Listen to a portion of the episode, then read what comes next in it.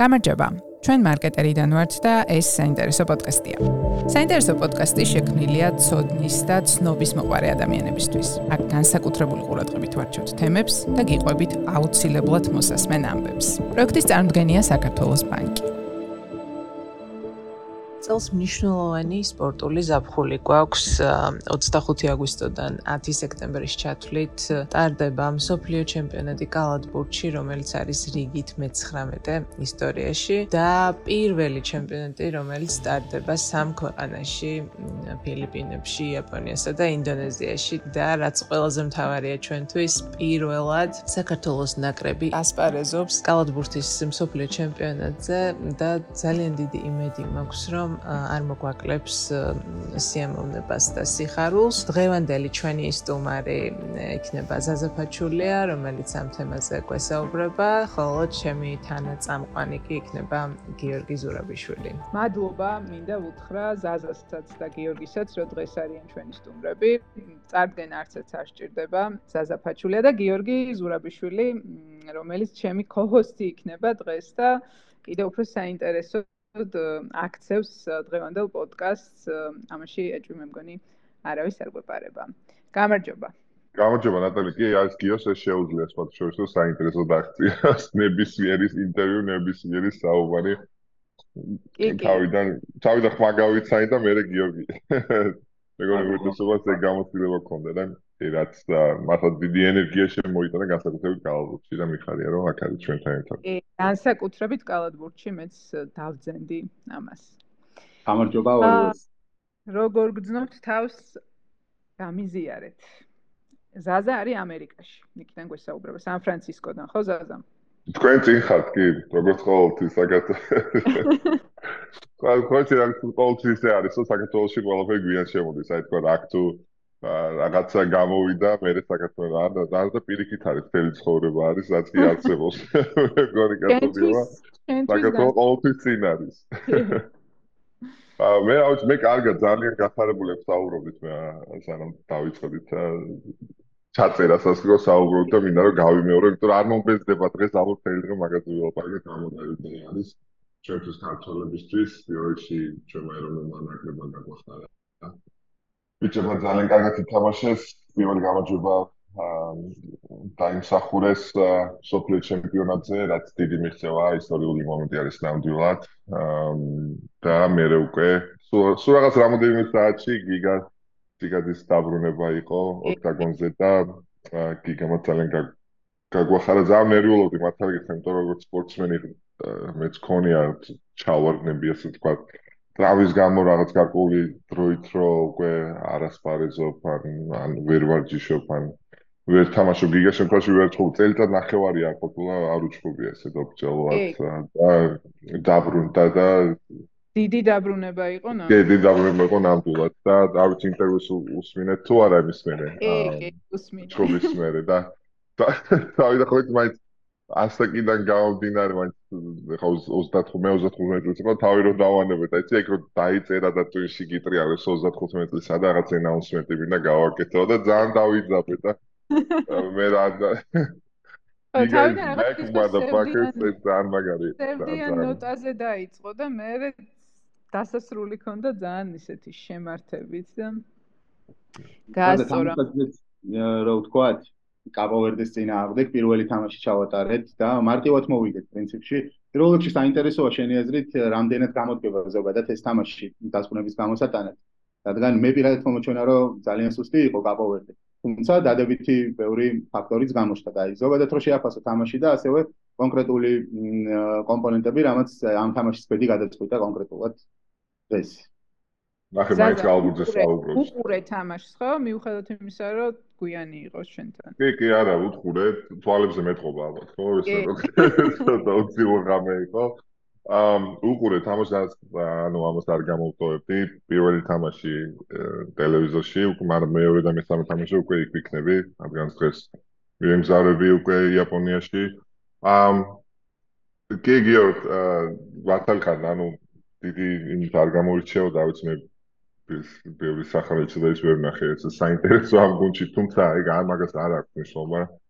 აა ყოველთვის მე ჩვენს გუნდს და იმ გუნდს ვისაც გულში მატკივრობთ ყველაზე მნიშვნელოვანი ეს არის. ხო მოდი ჩვენ თავს მივხედავთ ვიდრე სხვა სხვა გუნდი ვარჩიოთ და აა შევაფასოთ. ასე რომ თავიდან ცოტა ისეთი დაძაბულები ვიყავით ალბათ მაინც ნერვიულობა გვეთხოვოდა მაგრამ მე გამოცდილება სინცაძე რომ შემოვიდა გამოცდილება მაინც დავისიქნა.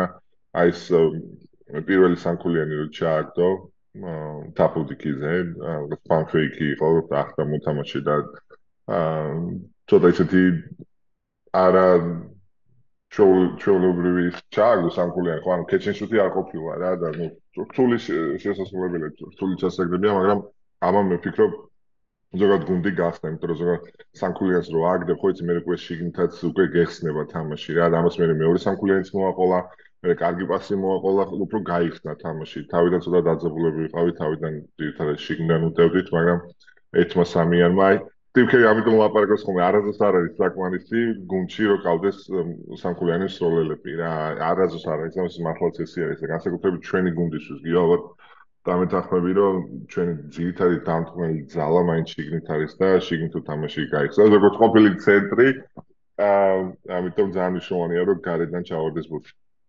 და ძალიან დადებით ჩემი აზრით რაც გამოჩნდა ეს ხო ბურთის მოძრაობა შეტევაში 23 ასისტით დავასრულეთ თამაში და აი შენ ამბობდი რომ ჩვენი მთავარი პლუსი სამწამიანია და მაღალი კალორიებია და ვაკურდები ხოლმე როცა სტატიკური შეტევა არის შემდეგ უფრო უჭირთ მათაც თავისუფალი სროლების მიღება და მაღალ პროცენტიანი სროლების მიღება და ბურთი რასაც კარგად მოძრაობს, მე თითქოს ბუნებრივად ხდება ყველაფერი, ბუნებრივად ეს სივრცეები კარგად ჩნდება და ამ ხრივ გამთამაშებლის ფუნქცია მნიშვნელოვანია და ცინცაძე ახსენე რომელსაც სასწაული თამაში ქონდა.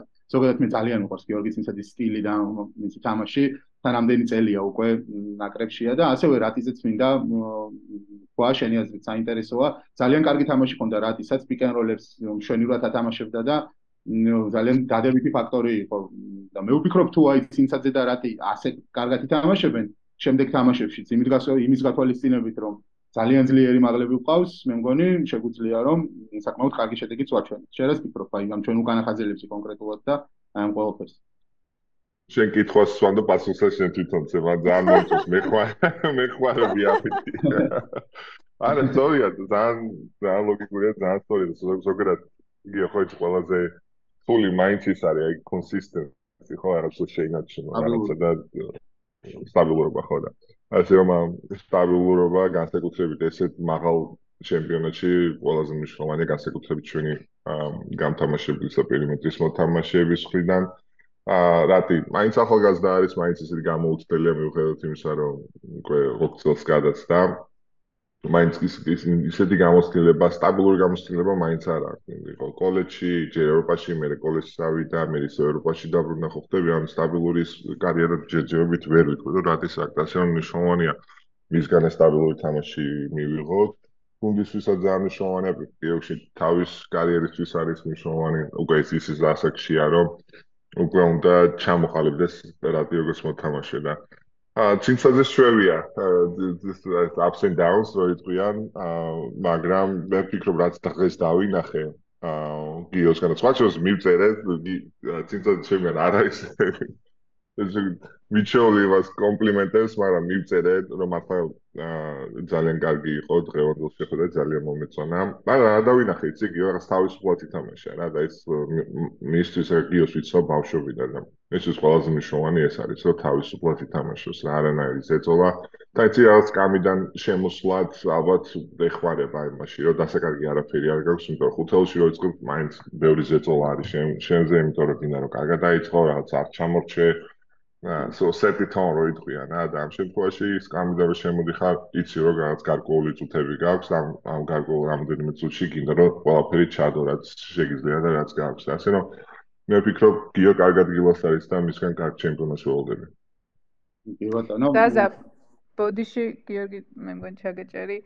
ზაზა ფიდბექს ესე უშვებ ხოლმე ნაკრების მოთამაშეებთან თამაშების მერე თუ არ არის შენთვის რაღაც ჩვეული ესეთი ქმედება. აა, ცია, ალბათ ყველაფერს ბალანსი აქვს.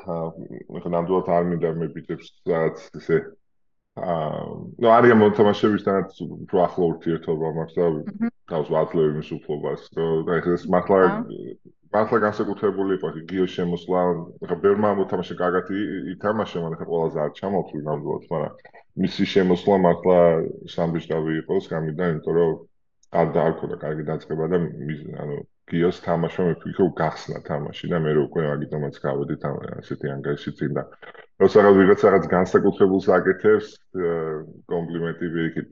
ერთმანეთს უნდა უთხრათ ანუ მათო ალბუჩი არ მედნებისმიერ სფეროში იცნობ თუ არ იცნობ ყველას უნდა უთხრათ იმიტომ პატარა ქვეყანა ვარ. ცოტა რაღაცაზე გადავდივართ მაგრამ ჩემთვის ძალიან მნიშვნელოვანია იმიტომ რომ ამას არ აქვს მნიშვნელოვანი პირადი ისე გურთიერთობა გაქვს კომპლიმენტი ყველა სიამოვნებს, რაც რაც უნდა იცოდე რომ თქვა კარგი ხარ, კარგად გამოგდის, ან ბევრჯერ გაქვს მოსმენილი ამის შესახებ კომპლიმენტი ყველას უხარია. კი, ძალიან ესეთი დიდი სტიმული არის ხოლმე სწორ მომენტში სწორი ადამიანისგან კომპლიმენტი.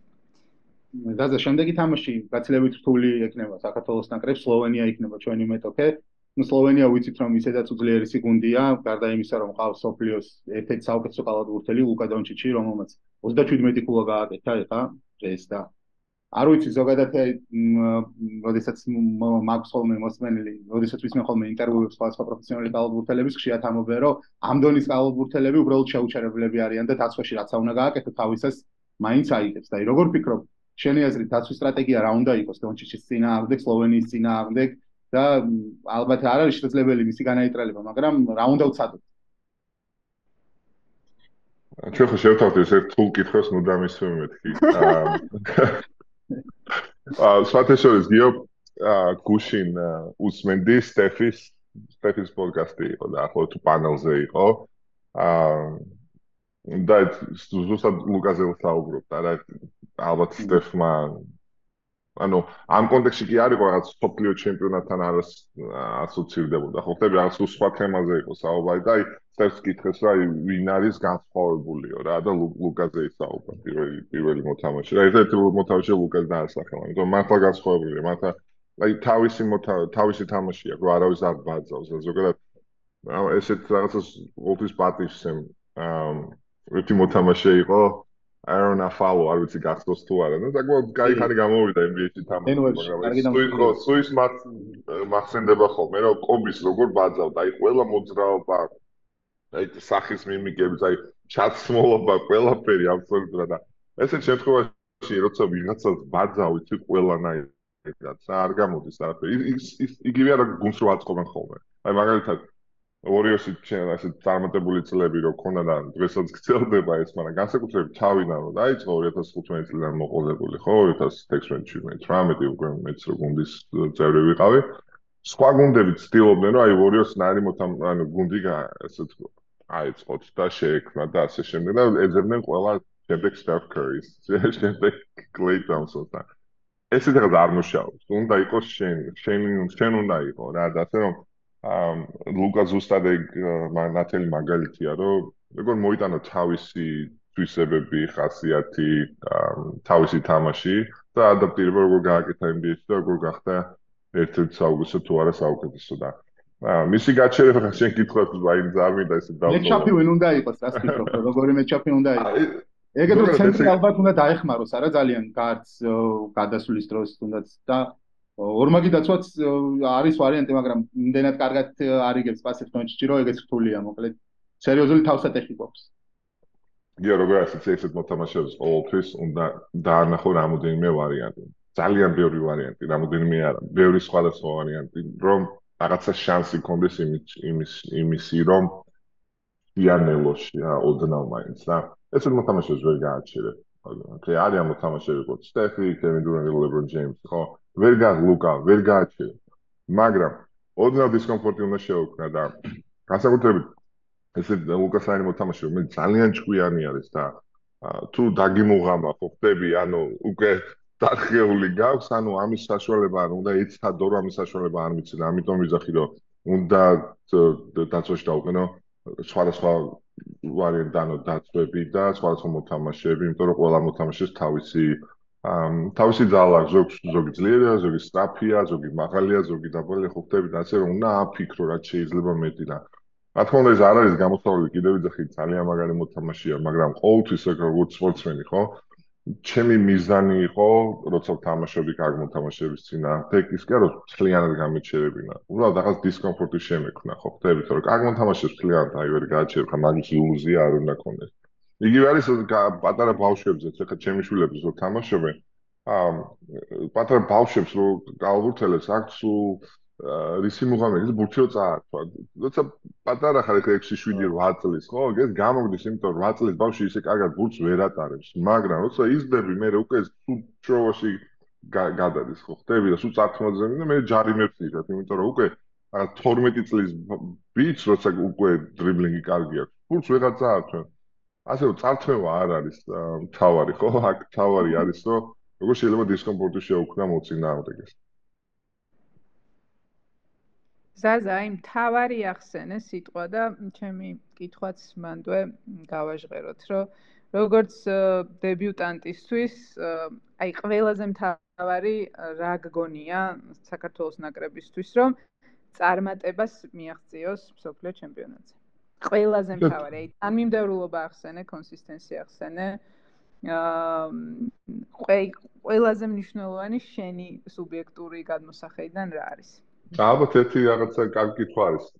აა ნატალიას, მაგრამ მე ვფიქრობ ერთი რაღაცა არ არის, აქ ბევრი უფრო კომპლექსური კომპლექსური პასუხი უნდა გაეცეს ამას, ანა. აა ეს კი ვიძახით რომ დებიტანტები ვართ პირველი ისტორია დაიწერა და პირველად ვართ სოფლიო ჩემპიონატზე, მაგრამ კარგი ის არის, რომ საკმაოდ კარგი გამოცდილება გვაქვს ბოლო რამოდენიმე ევროპის ჩემპიონატზე, რაც ვიასპარეზეთ რა და როცა მეორე გუნდი არის ევროპიდან. ხო, რაც გამოგვადგება, რა თქმა უნდა. ნუ აქ გამოვედეს პირველად ვეთამაშები, თქვა ვენესუელასაც პირველად შევხვდებით, ხო, მაგრამ საბოლოო ჯამში ეს დიდი ტურნირები რაც არსებობს, ხო, ეს არის ოლიმპიადა სამწუხაროდ აა რომ ხედი ვართ. ამ სოფლიო ჩემპიონატი პირველია, მაგრამ ევროპის ჩემპიონატი ან სამოულში ევროპის ჩემპიონატი არის, ხო, გიო, დამეთახმები ალბათ. ნუ NBA-ს თუ არ ჩავთვლით, მაგრამ NBA-ს მოთამაშეები სკვალს და ასე რომ არც ისე ცუდ დღეში არ ვართ მე ჩემი აზრით და რა ვიცი გიომ დაასწოროთ ახსენეთ რა ესეთ ჩემპიონატებში ერთი კაცი ვერ მოიგებს რა ვერც ორი კაცი ვერ მოიგებს აქ აუცილებლად უნდა იყოს ექს ფაქტორები და კარგად უნდა გავიაზროთ ეს ეს დეტალი რომ ექს ფაქტორები იგებენ ჩემპიონატს NBA-ში ესე არის. იმიტომ რომ სტეფი თავის საქმეს გააკეთებს კევინ დურანტი თავის საქმეს გააკეთებს მაგრამ გადამწყვეტი ფაქტორი არის ის ის role players რო იტყვიან, აი ეს should them მოთამაშეებით, ასე რომ გუნდური თამაში არის ძალიან ძალიან მნიშვნელოვანი. აგრო თქო უნდა იქნება მომენტები თამაშის განმავლობაში და ტურნირის განმავლობაში, როცა შეიძლება ერთი ოფენსი, ერთი დიფენსი, რაღაც ერთი მომენტი, ისე ვთქვათ, ინიციატივა აიღო იმისი, რომ რაღაც isolation ან ერთიებზე შეუდგირო, მაგრამ საბოლოო ჯამში ესე დიდ ტურნირში და ესე ძლიერ მეტოქეების წინააღმდეგ გუნდური თამაში უფრო გამართლებულია. აუცილებლად თამაში ხო არ უშლის ხოლმე ხელს აი ეს ინდივიდუალური სიძლიერეების დომინაცია თამაშის დროს, ანუ აი მაგაზე უნდა იფიქროს მოთამაშემ, რომ დააბალანსოს ცოტა ეს საკუთარი ინდივიდუალური რაც აქვთ ხოლმე. ეცი რა ყველაზე ალბათ გვიან ეგ მოდის ხოლმე. მაგრამ ანუ მოთამაშისთვის რა არ დასამალი არაფერია მეც ქონდა ეგ ეგ მომენტი თავიდან განსაკუთრებით როდესაც ცდილობ რაღაც თავი გამოიჩინო გააცნო ხალხს და დაამტკიცო რომ შენ შეგიძლია შენ მოთამაში ხარ მაგრამ მე ვფიქრობ ეს გუნდი საკმაოდ ისეთ ასე იმასაკიდან გამოვიდა. რა თქმა უნდა ახალგაზრდები არიან, მაგრამ უმეტესობა ხო გამოსულია იმასაკიდან, რაც თავის დამტკიცების და აი Warriors-ის წლებს გავიხსენებ. აა იქ ძალიან ბევრი მოთამაშე თანხას დათმო, რომ გადმოსულიყო ამ გუნდში, ხო და დასამტკიცებელი არავის არაფერი არ ქონდა. აა დასამტკიცებელი არავის არაფერი არ ქონდა, იცი რა ერთ-ერთი quote-ი წავიკითხე. აა ინგლისურად ძალიან კარგია, სადაც ვცდილობ რომ ქართულად გადავთარგმნო, რომ აა it's amazing აა ანუ რა შეუძლია, ესე იგი, რა შეუძლია მოიტანოს ისეთ მიდგომას, როცა არ ფიქრობ, რომ აი შენ მიგიწვის წვრილი ხო ხდები რაღაც ასე რომ ეს მართლა ესე არის და თავია შენ რაღაცა მოუტანო ამ გუნდს ხო ამ გუნდ ამ 12 კაც შენ წვრილი შეიტანო და როცა არ ფიქრობ საკუთარ თავზე როცა არ ფიქრობ იმაზე, რომ მე მინდა მივიღო მთლიანი ის კრედიტი, ხო? აა მაშინ ხდება სასწაულები, მაშინ ხდება ჩემპიონობები და ასე შემდეგ. ზუსტად Warriors-ი ზუსტად ეგეთი გუნდი იყო რა, რომ იყვნენ მოთამაშეები იგუდალა, დევიდ ვესტი, რომელიც მთელი თავის კარიერა ხუთეულის მოთამაშეები იყვნენ და უცბად მოვიდნენ ამ გუნდში და თანახმანი იყვნენ ოსკარს გამინა შემოსულიყვნენ. ანუ ის არ იყო ინდივიდუალური ეგოიზ ეგოიზმი არ იყო, ხო ხტები და ასე რომ ეს ძალიან ბევრის თქმელი არის, როცა იგზნობა გუნდში, რომ არ არის შენი გუნდი, არის ეს ქვეყნის გუნდი და რაღაც უფრო დიდზე თამაშობ ვიდრე საკუთარი თავი. კი ბატონო. მე მინდა კითხო ზაზაი განსხვავებაზე, შეიძლება თამობენ ხოლმე რომ ევროპული კალათბურთი და ამერიკული კალათბურთი განსხვავდება, სხვა სპეციფიკა აქვს, უფრო მეტი თავისუფალი ზონა აქვს შემთხვევაში NBA-ში, მიუხედავად იმისა, რომ რა თქმა უნდა დონი გაცილებით მაღალია და უფრო ატლეტურია თამაში, მაგრამ აი ხან-ხან არის ხოლმე რომ შეიძლება კალათბურთელი უფრო გაიხსნას NBA-ში და უფრო უჭირდეს ევროპულ კალათბურთში და ჩვენ შემთხვევაში ვიტაძე და მამუკალაშვილი ორი კალათბურთელი ყავს NBA-დან, გოგას როლი ჩემი აზრით ძალიან მნიშვნელოვანია ჩვენს ნაკრებში. განსაკუთრებით დაცვაში გამოჩნდა რომ პიკენროლის დაცვის დროს ძალიან ძალიან მნიშვნელოვანია დაზღვევაზე ძალიან კარგია. აი ამ ხრივ როგორ ფიქრობ, რამდენად კარგად ახერხებენ ადაპტირებას სანდრო და გოგა ამ ევროპულ სტილზე და ზოგადად თუ არის ეს რამე დაბრკოლება შეაზრით კალბუთელს. კი, განსხვავდება კიო, დასკათ, სხვაობა ნამდვილად არის, უსვა კალბუთი არის. ბევრი რა თქმა უნდა საერთოდ არის, მაგრამ სტილი მაინც განსხვავდება.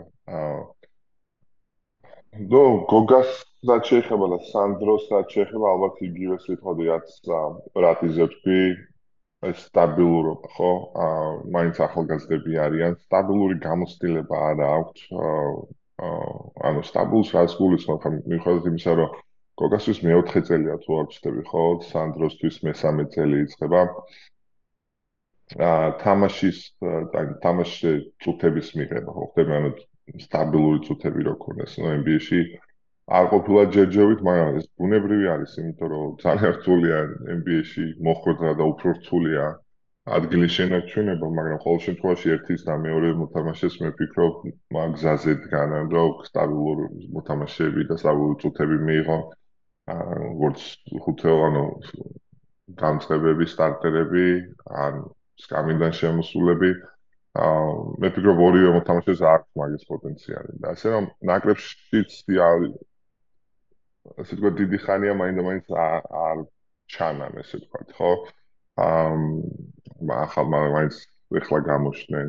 გოგას ევროპის შარშან ევროპის ჩემპიონატზე ტრავმა ქონდა და ტრავმით ითამაშა სანდროსთვის იდეაში პირველად იყო ეს სრული აა სანაკრებო ზაფხული ქონდა და ასე რომ აა მაინც ახალია მათთვის ადაპტირებას აკეთებენ.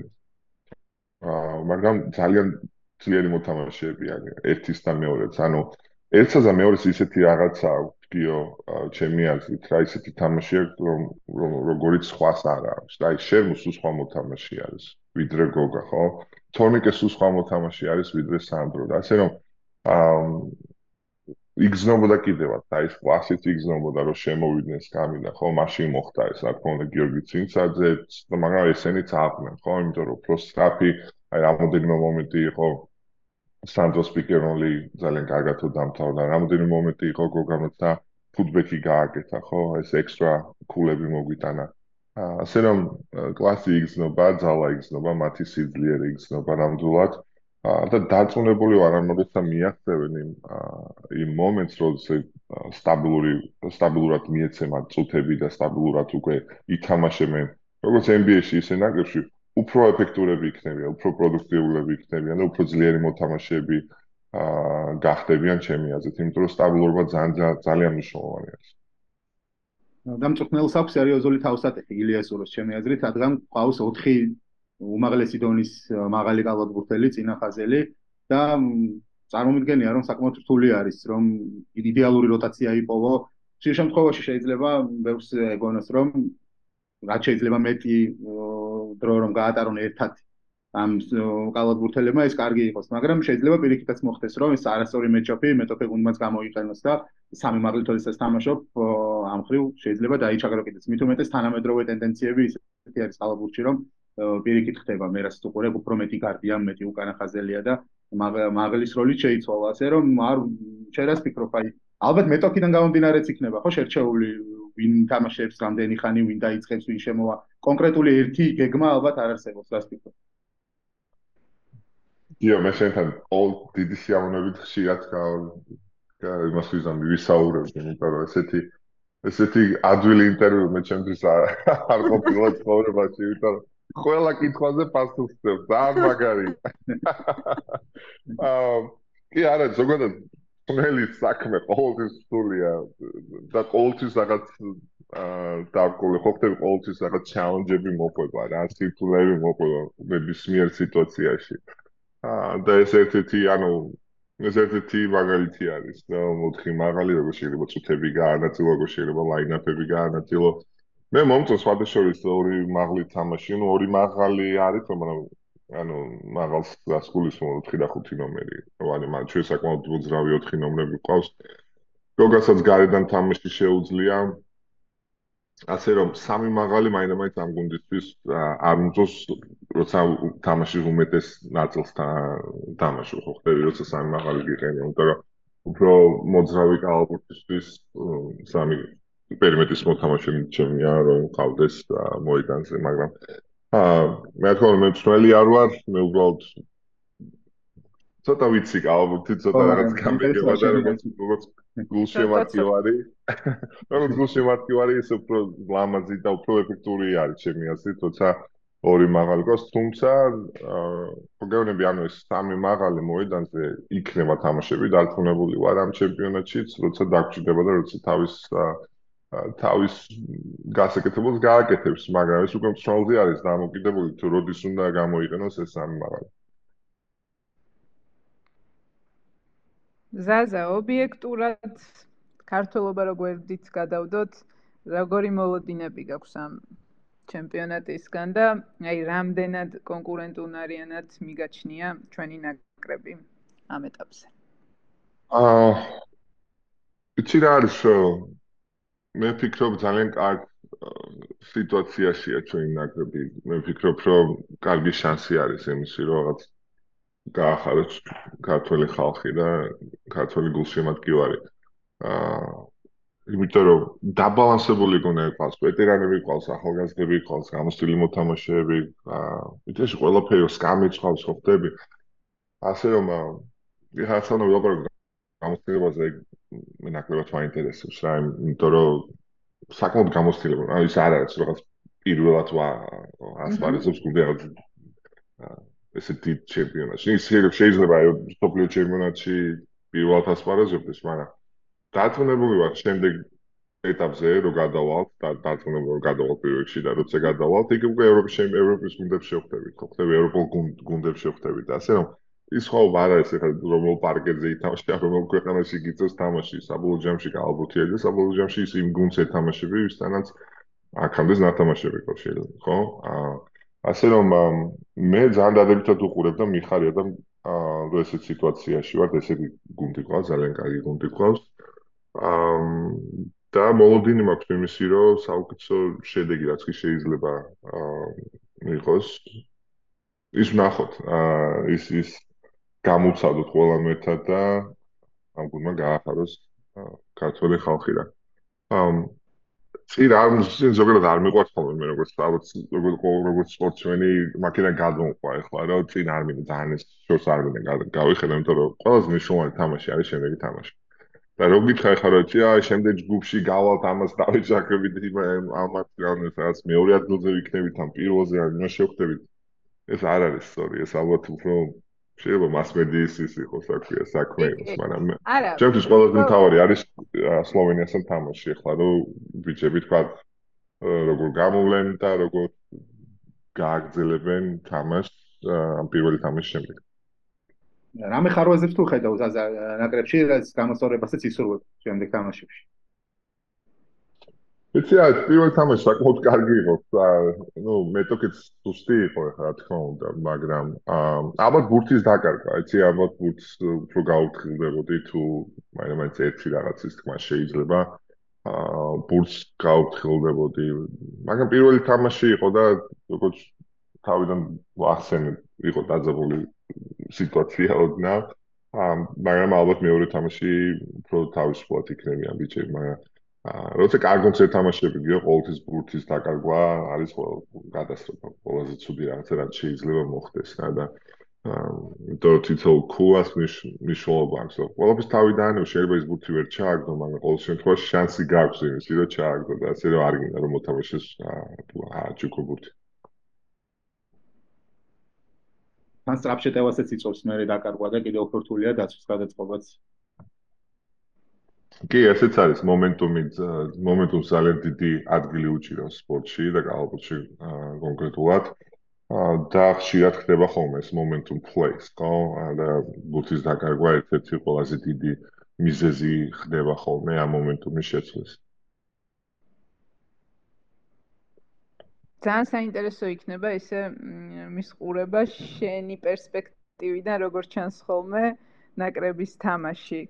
აი გიჩნდება ხოლმე უცებ სურვილი რომ აი შენც იქ იყო მოედანზე და შენც მონაწილეობდა იმ თამაში არის ხოლმე ეგეთი მომენტები? ძალიან ხშირად, ძალიან ხშირად არის. და ალბათ ესეც იქნება ცხოვრების ბოლომდე, იმიტომ რომ ალბათ ჩემ ცხოვრებაში ძალიან დიდი ადგილი უჭირავს. ალბათ ის ის არის რასაც ბავშვობიდან ვაკეთებ. და არაერთხელ მithქვი ამაზე რომ ძალიან ძალიან სიყვარულით უდგებოდი ამ ამ საქმეს, ამ სპორტის სახეობას და მართლა ჩემი იყო და ჩემში იყო. და რაც უნდა მზად ვიყო, ან რაც უნდა საინტერესო ცხოვრება მქონდეს, თქვა შემდეგი ეტაპი, ხო? ეს არასოდეს არ გავიწყდება. ყველა NBA-ში თამაში როცა დავდივარ ხოლმე, რა თქმა უნდა, თამაშებზე. ესე არის, ნაკრების თამაშებზე, რა თქმა უნდა, ესე არის, აი თუნდაც დღეს რო დაიწყო თამაში, იმზე, ნუ ძალიან ემოციური იყო, არის ხოლმე. რო გითხე ყველა თამაში ემოციური არა, მაგრამ აა არის ხოლმე თამაშები, როცა ემოციურია. დღევანდელი თამაში ემოციური იყო, კი. და ძალიან ამის კითხვა. ხო, მიდი, მიდი. მიდი და მე მე მე. არა, არა, ეს შენ. მიდი, მიდი, გითმობ. ჯელტმენია, გიო ჯელტმენია, მარტო ის კი არა, მაგარი ის ხო. ჯელტმენია. ევარ ჯენტლვუმენი. გითმობ, გითმობ, მიდი. მე მე მე უკვე გადავდიოდი სხვა თემაზე და არა, კალათბურთის სიყვარული ახსენე და მაინტერესებდა რა ასაკიდან გახსოვს აი ცნობიერად ამ სფეროს სიყვარული. ისე რომ გააცნობე რომ აი ეს არის ის რაც გინდა რომ აკეთო და რომ მიუძღვნი თელ შენს ცხოვრებას ამ სფეროს. რაც კი თავი მასოს.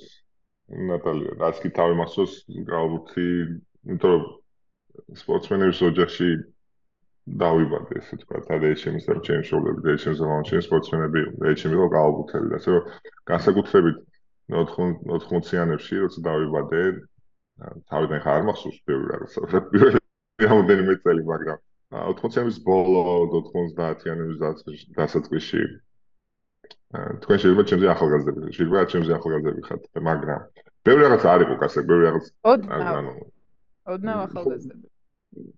მე ერთი ერთი წელიც მნიშვნელოვანია, ხო ხდები და ასე რომ აა ბევრი არჩევანი არ ქონდა. ну ფეხბურთი ყოველთვის დომინირებდა სპორტის სახეობის სახეობით, ხო? ამ ალბათი ალბათ მეორე ალბათ არ მეორე იყო. და მე მახსოვს თამაშებზე რომ დავყავდი და ეჩებს ხოლმე სპორტის სასახლეში. აა ძალიან დიდი ენერგია, სულ სავსე დარბაზი, სულ სავსე იყო დაბოზე, ამ რამოდენიმეჯერ ტიპეზე შტაბა და მიხედავთ რომ ბილეთი მქონდა და როგორც პატარა ბავშვი ეს უფროსის ისლამით მიადა ასე შემდეგ და კიდიდან მიხურებია თამაშის და ასე რომ აა მაშინ პარტი ინტერნეტი იყო არ ჩუკი მქონდა არ საჭმელი მქონდა არაფერი არ იყო საქართველოსში იყო სიბნელე და ესეთ რაღაცები გვახარება რომ ბავშვი მეტი რა უნდა ბედნიერებისთვის ხო და ზუსტად ესეთი. და გასაგონ კარგი გუნდები ჩამოდიოდნენ. ადგილობრივი ჩემპიონატიც საინტერესო იყო და უცხოეთიდანაც საკმაოდ კარგი გუნდები ჩამოდიოდნენ როგორც ნაკრების დონეზე ისე საკლუბო დონეზე ასე რომ გამიმართლა იმაში რომ მიუხედავად იმისა რომ ბევრი რაღაც არ ქონდა იმაში გამიმართლა რომ აი ეს ენერგია ეს აჰა სიხარული საშუალება ქონდა ხოლმე რა რომ წავსულიყავით თამაში და აა ბავშვისთვის რა ვიცი ძალიან ძალიან მაგარი დღესაც მახსოვს აი ეს მომენტები ის თუთები სიხარული რასაც გამიცდიდი მე თამაშის დროს. მე მქონდა ეგეთი გამოცდილება ბავშვობაში კალათბურთთან დაკავშირებით, რომ мама ჩემი თამაშობდა როგორც მოყვარული დიმა ობოლაძესთან ერთად სხვათა შორის და ხანდახან მივყავდი ხოლმე და ვუყურებდი ამ თამაშს და ეგ იყო ჩემი პირველი ინტერაქცია კალათბურთთან და იქ ბავშვული ბავშვური სიხარული აი ამ თამაშისგან მიღებული დღემდე მახსოვს. ანუ შენ გესმის შენ. კი. ცოტათი მესმის. გიო შენ ამ შენ არ შეგაყარა კალათბურთი ეგ მაინტერესებს. მე ბავშვობიდან რაი რო უყურებდი თამაშებს, სულ პატარა ვიყავი.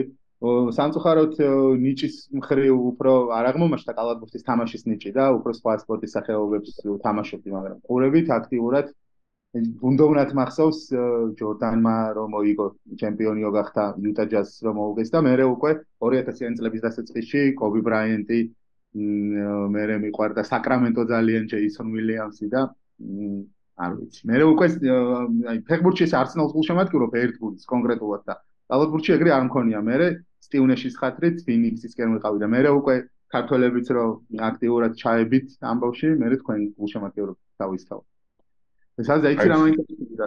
დაიცი სანდე მეც მეც მაგუფლება კითხვის დასმის. მიდი აბა. კალათბურთის ისტორიაში ყველაზე მაგარი, ანუ ყველაზე კარგი ერა შემთთვის რომელი ერა იყო?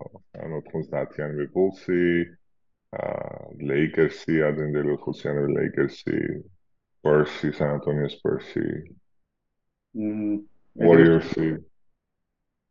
მე სიმართლე რო გითხრა, ეს Warriors-ის თანამედროვე სტილი რაც არის, ეგ გონია ყველაზე დაუმარცხებელი და ძლიერი. ძალიან ჩემი აზრით კალათბურთის საუკეთესო გამოვლენა იყო სან ანტონიომ, როდესაც მაიამის მოუგო 4 ფინალში. სასწაული კალათბურთი იყო. მაგრამ თვითონ ერა უფრო ძველი მომწონს, რადგან უფრო ფიზიკური კალათბურთი იყო, ნაკლები სასწლენი და მეტი ემოციურობა, მეტი ექსპრესიულობა, ეგ ოდნავ დაეკარგა. დღეს ცოტა soft გახდა ჩემი აზრით. NBA რაც დიდათ არ მომწონს, ეს ძალიან ბევრი სამხულიანის რო არის ზედმეტად, ეგ ეს დიდათ არ მომწონს, მაგრამ ტენდენციები თავისთავად ესეთი არის, რადგან შედეგი, შედეგს ეგ განაპირობებს დღეს. Golden State-ის თამაში და სტილი ძალიან ძალიან მიყვარს. ბურთის სწრაფი მოძრაობა, ბევრი ქათი, ბევრი შერბენი და სიციავნებას უდებ Golden State-ის თამაში. ბევრი საერთოდ კონდე. ხო. შენ? ზადა შენი lifetime საყვარელი მოთამაშე. ზადა ის ფიზიკური კალათბურთელი იყო დარწმუნებული ვარ თევანდელი კალათბურთის ურჩევნია წინა კალათბურთი რაც იყო წინა ეპოქა. არა?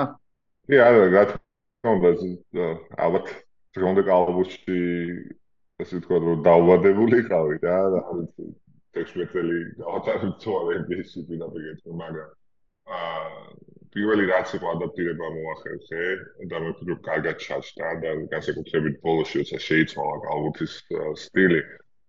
უკვე საკმაოდ ისეთი გამოცდილი მოთამაშეები ყავი და ალბათ ინტელექტი დამეხმარა ყველაზე ძალიან ადაპტირებაში იმიტომ რომ სამიანის სოლები არ გავხდი მე მაგრამ მოუძებნი გზა იმისი რომ სასურველი გუნდელი ყოფილიყავი და მოთამაშე ყოფილიყავი მაინც და ალბათ გამოსtildeება და ინტელექტი ძალიან დამეხმარა. თუმცა აი Warriors იმაში გეთახვები არის ხოლმე მომენტები, როცა აი ამას რძენია, სულიერ სიტყვის მნიშვნელობით, როცა აი თქვა fast break-ში მიდიხარ რაღაც 2-1-ზე ან 3-1-ზე და სამკულიანის stream-ის მაგათ რაღაც შეხვიდე და ორკულიანი ჩააგ. მაგრამ, მაგრამ აქ არის დიდი მაგრამ და მნიშვნელოვანი. აა რასაც Warriors სტიქებდა რა კალბუსოს თამაშობდა, მე ჩემთვის ყოველთვის და ყველანაირად მისაღებია რომ სტეფმა გააკეთოს, ან კლენ გააკეთოს ეგეთი რაღაცა რა, რომ სამი ერთად.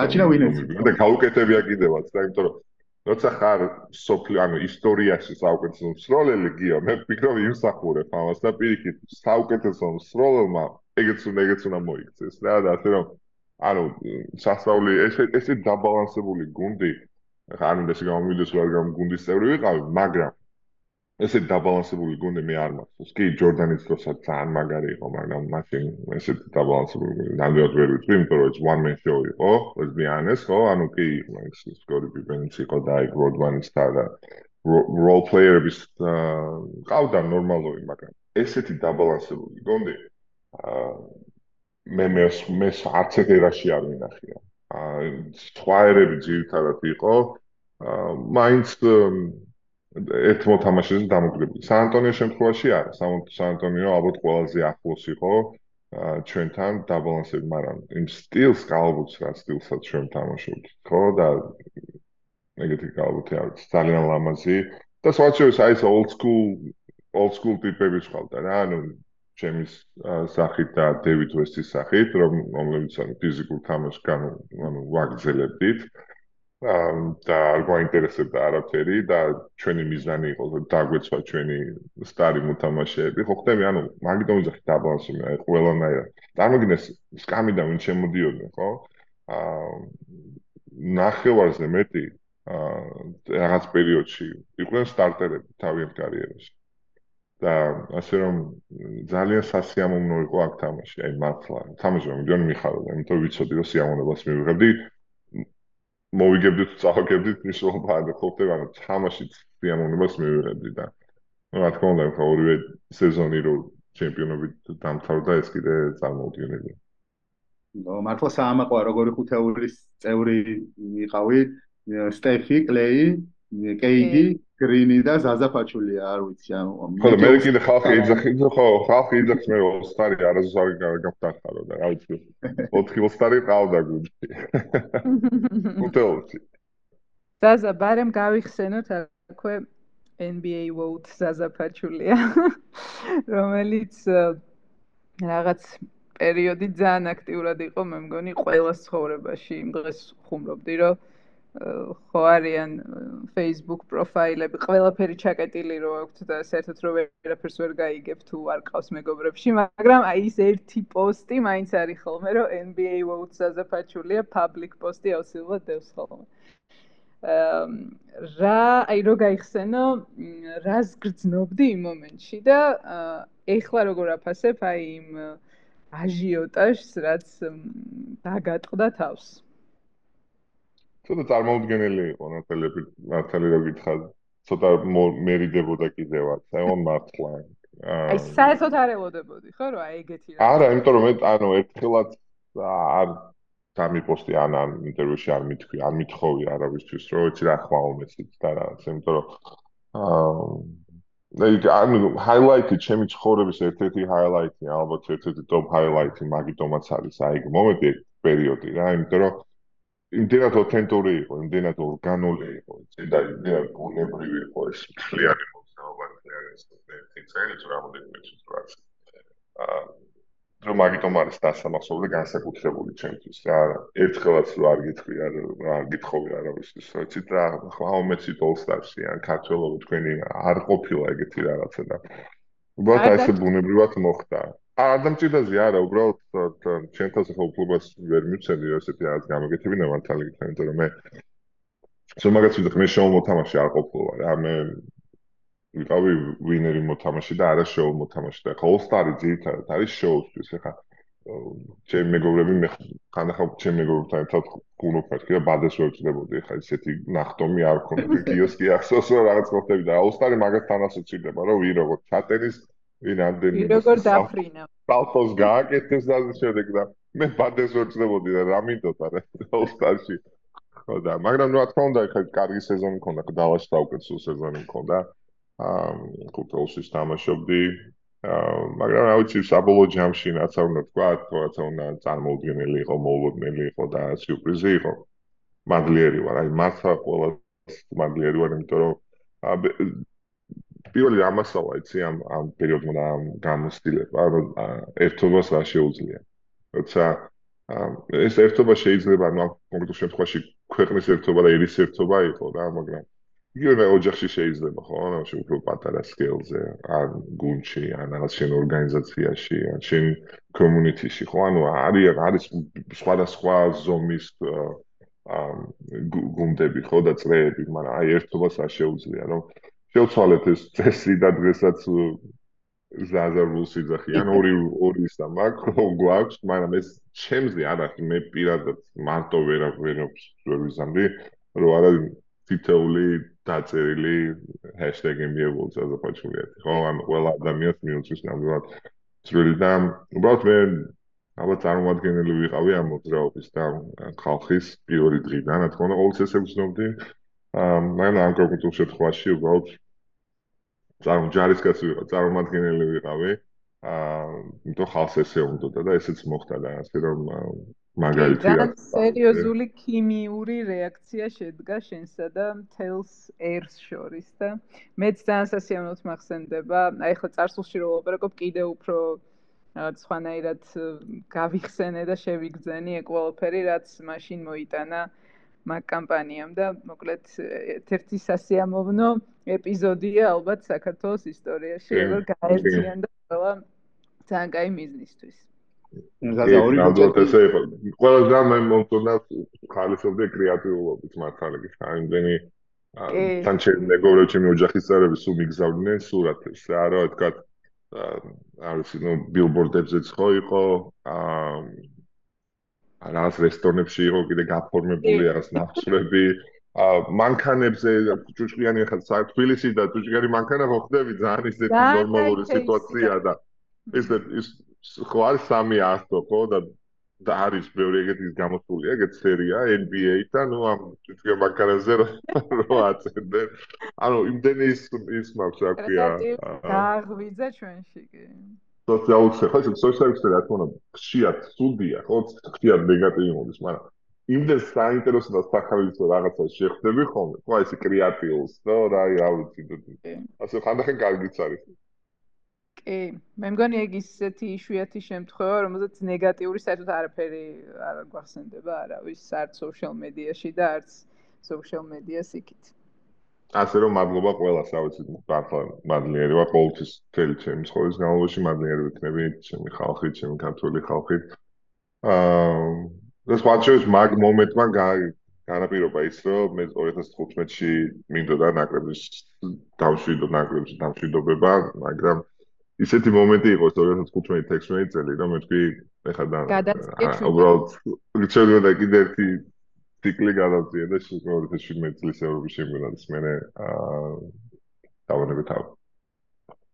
ზაზა მოკლედ ორი ბეჭედი გაქვს კალათბურთელის რანგში. ორი წესი შენს სახელზე უკვე არის NBA-ში. რაც თქვი, ეგეც კარგი მიღწევა არის. კიდევ ერთი ბეჭედიც დაამატე ეხა ექსეკიუტივის რანგში და მაგაზე მინდა დაგელაპარაკო, ეხა დღეს რასაც აკეთებ Golden State Warriors-ში მუშაობ. პირველ რიგში რამდენად სასიამოვნოა იგივე ორგანიზაციაში მუშაობის გაგრძელება, სადაც ასე წარმატება ქონდა და ახლა წარმატებას მიაღწია და ასევე დარწმუნებული ვარ მსმენელს აინტერესებს შენი საქმე რა არის ყოველდღიური და რა მიმართულებით ხარ ჩართული გუნდის მუშაობაში? რა გავალია ასე? აა აუც ამას დიდი კომპლიმენტი გიო არასდროს თუცა ის გუნდის სადაც თამაშობდით ორი წელი და არა თქო 8 წელი როგორც ატლანტაში ან ასე შემდეგ გირეკავს ანუ კიდე როჯერ არ გაქვს დაანონსებული დამთავრება. ხო რიცაიმენტი არ გაქვს დაანონსებული და გირეკავს და გეუბნება რომ უბრალოდ გვინდა იცოდე რომ ეს ერთი ერთ-ერთი ვარიანტი ის არის. ითამაში რამდენი ხანი დგინდა მაგრამ ერთ-ერთი ვარიანტი ის არის რომ შემოგვიერთე ჩვენ უკვე როგორც არა მოთამაში არამედ ანუ მოიტანს გარეთ. ამაზე დიდი კომპლიმენტი არ არის რა ქონდა დასრულებული შემოთავაზება რომ მინდა ჯერ კარიერა ანუ არ ხონდა არ ხონდა დასრულებული ხოჭო ეს ის ის დრო იყო 2019 წლის ზაფხულის ანუ პანდემიამდე. აა და დერკ ნოისკი რო სტუმრობდა გაგემახსოვრება ალბათ დერკი როგორც ჩამოსული თავი ოჯახთან ერთად და ეს ორკვირიანი პერიოდი იყო ორი კვირა დარჩა საქართველოსში არ მოვიართ თელი საქართველოს და ისეთ ადგილებში ვიყავი მე თვითონ მანამდე რო აყოფილა და მაშინ იყო რომ ეს ზარი შემომივიდა რა დრო Kirk Lakeovs-გან, რომელიც არის executive vice-president-ი Warriors-ის. აა და ესე რაღაცას თავაზობს და მართლა გიქა ისეთ შემოთავაზება იყო თამით უმეტეს მე ხო ვიცნობ ამ გუნდს და ხო ვიცი თქვა მოედანზე როგორია და მოედნის გარეშეც როგორი ძალიან ძლიერია ეს ძალიან მაგარია. აა და ხო ის გულისიმო რომ გაკრავს და ანუ თუში რომ გაკრავს და შეიძლება ეს უკეთესი ვარიანტი იყოს, ვიდრე კიდე ერთი წელი ითამაშო სადღაც, რა ვიცი, მაგ პერიოდში ამ მემფისი ან ნიუ-იორკი ან ესეთ გუნდში, რომელსაც არანაირი ინსპირაცია არ აქვს იმის ჩემპიონობის, იმიტომ რომ ამ ორმა ჩემპიონობამ მართლა ის მომცა სხვანაირად უყურებ უკვე ყველაფერს, და იმიტომ რომ გინდა რომ მით უმეტეს მიწურულს ბოლოს რომ მოიგო, იცი და ციტერ გუნდში არ გინდა იყო, საშუალო გუნდში არ გინდა იყო და აა გულის სიღმაში ეგ ეგ გავითიქრე ხო ხდები რაღაც გზნობა მოდიოდა შინაგანად რომ შეიძლება ეს იყოს უკეთესი ვარიანტი, ვიდრე სხვა გუნდში კიდე წელი ვითამაშო, იმიტომ რომ ასე კი მაინც თავისეშვება. ამ და ესეც მოხდა და ასე რომ ყველაზე დიდი კომპლიმენტი არის გიო და რაც შეიძლება რაც რას ვაკეთებ პირველი ორი წელი ყველაფერს ვაკეთებდი აბსოლუტურად, იმიტომ რომ ამ მე არ უყურებ წარმატებას არ უყურებ რომ ერთ დღეში უნდა მოვიდეს წარმატება. წარმატებას დრო ჭირდება. ერთ დღეში არაფერი არ ხდება, ხო და ასე რომ რადგან უკვე ეს კარიერა მორჩა და უკვე შემდეგი ეტაპი იწყება შენ ცხოვრებაში, მინდა რომ რაღაც თლიანად მიხვდეთ იმის რომ დიდი გამოსილება მოედანზე მოედის გარეთ ხო, ანუ ფარდებს უკედლებს იქეთ რა ხდება.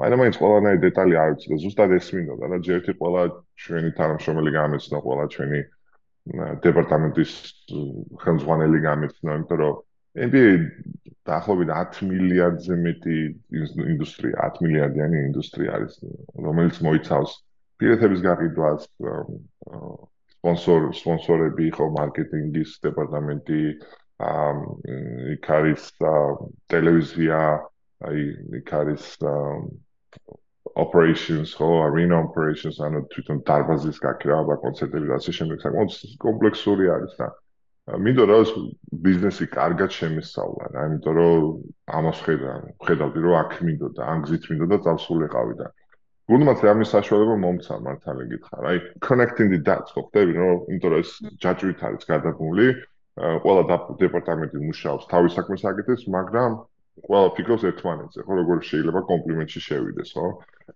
აი მარკეტინგი რამდენად მნიშვნელოვანია პარტნიორებისთვის ხო ანუ კორპორაციის კორპორაციულისთვის. მარკეტინგი რამდენად მნიშვნელოვანია თქვა ბილეთების. ბილეთების გაყიდვა რამდენად მნიშვნელოვანია სპონსორებისთვის იგივე იმიტომ რომ რაც უფრო დიდი ყურადღება არის ჩვენს ორგანიზაციაზე უფრო პარტნიორები უფრო მოდიან და უფრო უნდა ჩვენთან პარტნიორობა და პირველი ორი წელი ამას დაუკვე მართალი ხარ და თან კარგი რა იყო იგივე პასუხი გაეცა იმას თუ რამ სიამოვნებს ისი გასაფრთხილავ ჩემ თავს საჯდები კარგად და რა ჭირება ჩემს ცხოვრებაში და ჩემს გამოცდილებაში ან ცოდნაში ან ხასიათში და საბოლოო ჯამში დღესდღეობით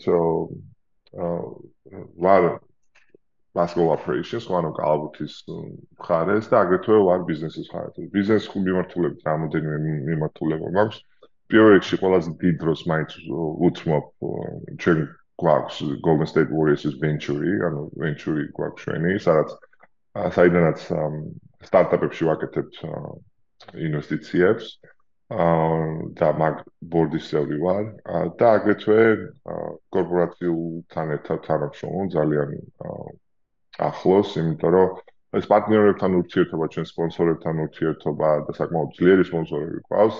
ასე რომ მათთან ურთიერთობა ძალიან სიამოვნებს, იმიტომ რომ მათენაზე შეიძლება საუბარი, აგრეთვე მათ კაუბუთი უყვარს, კაუბუთინაზე შეიძლება საუბარი და ასე რომ ამ უფრო ბიზნესის ხარეს ვარ გადართული, რაც საკმაოდ საკმაოდ საინტერესო არის, საკმაოდ ძალიან საინტერესო არის, მით უმეტეს ისეთ ორგანიზაცია როგორც Golden State Warriors, რომელიც პირველი ვარ ბილეთების გაყიდვაში, პირველი ვარ ამ სპონსორებთან ურთიერთობაში პირველი ვარ სოციალ მას მედიაში ხო ხდება რომ საკმაოდ დიდია ადგილი უჭირავს, მაღალი ადგილი უჭირავს, არა მარტო ამერიკაში, არამედ სოფლიოში და ასე რომ დაბლ ჯამში მეორე ვარ თუ არ ვწდები valuation-ით რა, ანუ Warriors-ის ფასი, ასე ვთქვათ, შეფასებულია Warriors ორგანიზაცია 7 მილიარდზე მეტი. აა, შეიძლება დაახლოებით 7.5 მილიარდი, ასე რომ როცა ესეთ ორგანიზაციის ბიზნესში ხარ ჩართული, საკმაოდ საინტერესო. ძალიან საინტერესოა მართლაც. მე არ შემიძლია რო არ კითხო ახლა შეიძლება ცოტა გადაუხვიეთ თემას, მაგრამ იმდენად მაინტერესებს და ალბათ ბევრ გულშემატკივარს საინტერესებს. საკალათბურთო მხარესო დაუბრუნდეთ Golden State-ის წელს ძალიან საინტერესო ტრანსფერი გააკეთეთ.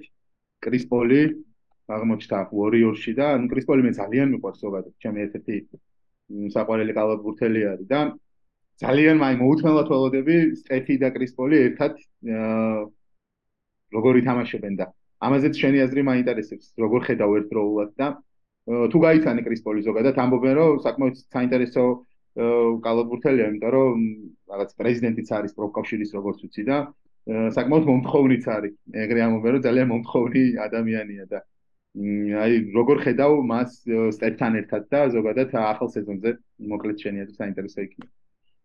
კი, მართლა საინტერესო იქნება, იმიტომ ყოველთვის ესეც ცვლილება რო ხდება, ხო ის ხო არ არის რაღაც მე-6 მე-7 მოთამაშე შეანაცვლე სხვა, ანუ ხო ხდები სხვა მოთამაშეთი. ეს ესეთი რაღაც არის, ანუ კრისტი ალბათ NBA-ში რო აიყვანეს თავიდანვე ლიდერის თვისებებით გამოირჩეოდა თავისი ამ ქცევით, საუბრით, თამაშით, ხო? ანუ გასახდელშიც, მოედანზეც ძალიან ისეთი ლიდერის თვისებები და high character როიდგიან, ხო? ანუ აი high character მოთამაშეები ვინ ყავს გუნდში? Draymond Green და ეხლა Chris Paul. ხო, საშიში ხო, საშიშია ხო, ხო ეს პლუსი და პლუსი ერთად რო იმას ნა, ხო? აი დაახლოებით ეგეთი სიტუაცია და ძალიან საინტერესოა როგორ ადაპტირება გააკეთებს ყველა ყველა აბსოლუტურად ყველა რაღაც უნდა დაცმოს, ყველა რაღაც უნდა გაითვალისწინოს და ჩვენლებმაც და ასე რომ სპორტი მაგით არის, იცი საინტერესო გია, რაც არა მაგარი მოთამაშეები, ძლიერი მოთამაშეები ყავდეს ფურცელზე, ხო? თავი არის ამ ფურცლიდან თქვა როგორ გადაიყვან მოედანზე ან სტადიონზე ან ესე რომ გუნდურ სპორტს ვსაუბრობ და ასე რომ აქ უკვე მწვრთნელების ფაქტორი არის დიდი და ცოტა თვალოდები ან როგორ დაალაგდება ეს ყველაფერი და კრის ვიცნობ რა თქმა უნდა, კრის ვიცნობ საბოლოო ჯამში გია როგორ არის თი NBA პატარა ოჯახია. სულ რაღაცა 450 მოთამაშე არის ყოველ წელს და მე რო თამაშობდი და დღესაც რა თქმა უნდა, იმიტომ რომ მიხედავთ რომ არ თამაშობ ამ ოჯახის წევრი ისე ვარ, ყველა მოთამაშის სახელს ჩამოგიწვი აბსოლუტურად. ასე რომ დიდი ოჯახი არის, იცი და მიუხედავად იმისა, რომ ერთად არ ვითამაშე იმდენად ვითამაშე ერთმანეთის წინააღმდეგ და საკმაოდ ბევრი ივენთებზე მოგვიწია ერთად ყოფნა თუნდაც აი შარშან ოლსტარზე რო ვიყავით იუტაში ხო ასე რომ გადაკვეთა ყოველთვის იყო და ასე რომ კრის როგორც მოთამაშეს და როგორც ადამიანს როგორც ბიზნესმენს საკმაოდ ძლიერი ინვესტორი არის და დიდი პატივს და ასე რომ მიხარია რომ ის საშუალება მომეცემა რომ უფრო ახლან გავიცნო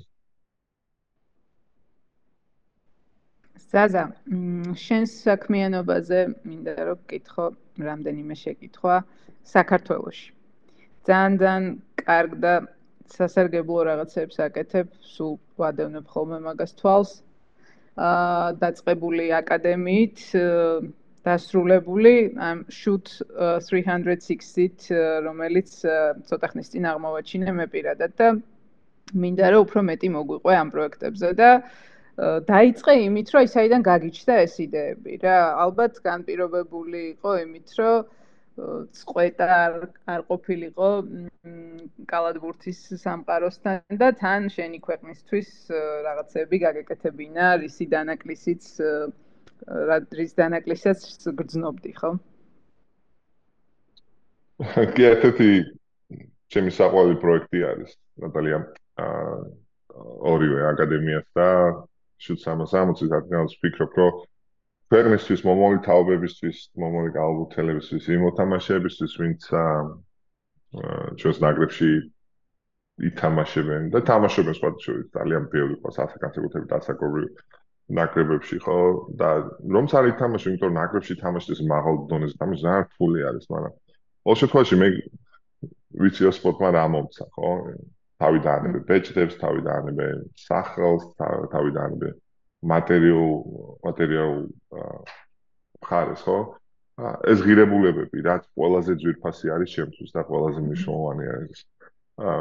რადგან მე შემიძლია ნებისმიერ სფეროში გამოვიყენო ეს ღირებულებები და დავაშენო ძალიან დიდი კარიერა, ხო? ეს არა სპორტის გარდა შეიძლება ძალიან მაგარი ბიზნესმენი იყო, ან ძალიან მაგარი მეცნიერი იყო, ექიმი იყო, იმიტომ რომ ეს ყველაფერი განაპირობებს გუნდთან ერთად და ხალხთან ერთად მუშაობას და თანამშრომლობას და სპორტ ზოგადად რაც მოხდა ჩემი შვილებიც მაგდროულად დამყავს სპორტზე, მართალი გითხრა, იმიტომ რომ აი ეს მინდა რომ ეს ღირებულებები კარგად ისწავლონ, კარგად შეისწავლონ და გაითვისონ. რაც არის აა შრომა, აა რაც არის ლიდერობა, რაც არის პროფესიონალიზმი, რაც არის აა პუნქტუალურობა, სწრაფი გადაწყვეტილების მიღება, ჯანსაღი ცხოვრება და ეს ყოველთვის გააქვს ადამიანს ეს შინაგანად, ხო? მართლა უკვე ძალიან ბევრი რაღაცის გაკეთება შეიძლება ყველა სფეროში. ასე რომ სპორტი პირველ რიგში ამიტომ მიყვარს და მე უკვე თუ გიო ტალანტზე საუბრობდა და თუ ახლა გაქვს ტალანტი გაქვს იმის შესაძლებლობა რომ უფრო განვითარდე სიყვარული თუ გაქვს და თუ გაქვს აი ეს დრაივი ხო შინაგანი დრაივი მე უკვე ჩვენ საუბრობთ უკვე სერიოზულ წარმატებაზე და რა ვიცი მე ახსენე კიდევაც თქვენ და საუბარში რომ ალბათ ხარ რა მომცა ხო? რო არა ალბათი ალბათ ჩვენ ეს კომუნიკაცია არ გვიქნებოდა რომ არა კალბუთი არ ვიცი სად იქნებოდა ცხოვრებაში ნამდვილად არ ვიცი და ასე რომ ძალიან მადლიერი ვარ ძალიან მაგიტომაც ძალიან მიყვარს ისედაც მიყვარდა და ამ განმოსახედიდან აა ეს ეს არის ჩემი ცხოვრება. აა რასაც არ უნდა ვაკეთებ ხო ვორიოშიც რომ წარ ვიყო კალბუთი მაინც ყოველთვის ჩემი ცხოვრება იქნება ძალიან ძალიან დიდი მადლობა ძალიან სასიამოვნო საუბრისთვის გადავწდით 1 საათს და მიუხედავად იმისა, რომ კიდე დიდ გიოს ვალია ძალიან პასი კითხებს მომდა და პასუხებსაც თვითონ წერდა და მაგით. გიო, გიო ძალიან საინტერესო კითხვები დასვა და კი, კი, არა, ძალიან. აუთი საინტერესო საუბარი. აა, რა ვიცი, ფიქრობ, რომ აკადემია, ყველაზე დიდი აკადემია არის რეგიონში.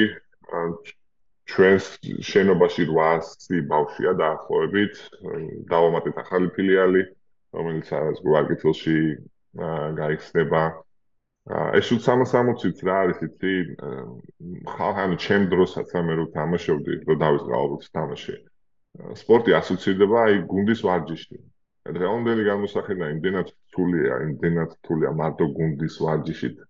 რაღაცას მიაღწია რომ თუ საკუთარ თავს ექსტრა დაუთმე რაღაც იცი არ ინვესტიცია არ გააკეთე საკუთარ თავში უფრო არი საკუთარ თავზე არ იმუშავე არი ვარჯიში არაფერი არ გამო. მანდ გუნდის ვარჯიში არ არის საკმარისი და ეს უცამასამოდ ზუსტად მაგისი აა საშუალება არის რა შესაძლებლობა არის რომ ინდივიდუალურად ტექნოლოგიის დახმარებით ინდივიდუალურად მოემზადო. ხო და არ არსებობს ახლა რაც არ უნდა გიოს თხოვო თქვა რომ მე მოქმედი სპორტსმენი ვიყო და გიოს თხოვო რომ გიო ცილა შეგიძლია პასები მომაწვა და მე ვის ვესვრი ხო?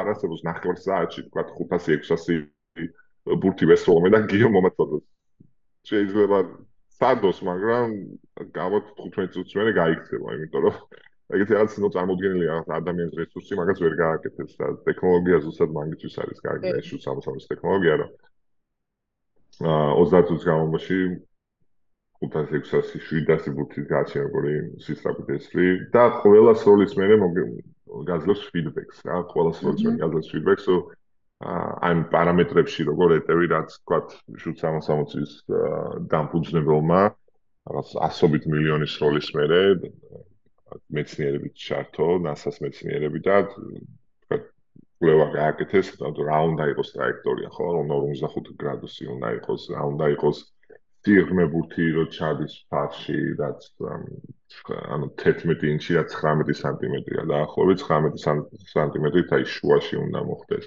და მარცხენა და მარჯვენა 0, ანუ 45 11 და 0. ეს არის ეს პარამეტრები რა და ყოველი სროლის მერე გაძლევს იმას, რა ქვია, ფიდბექს. და ჩემ ჩემ დროს ესეთი რაღაც არის, ჩემ დროს ეს კი შუქი არ ქონდა ხოლმე.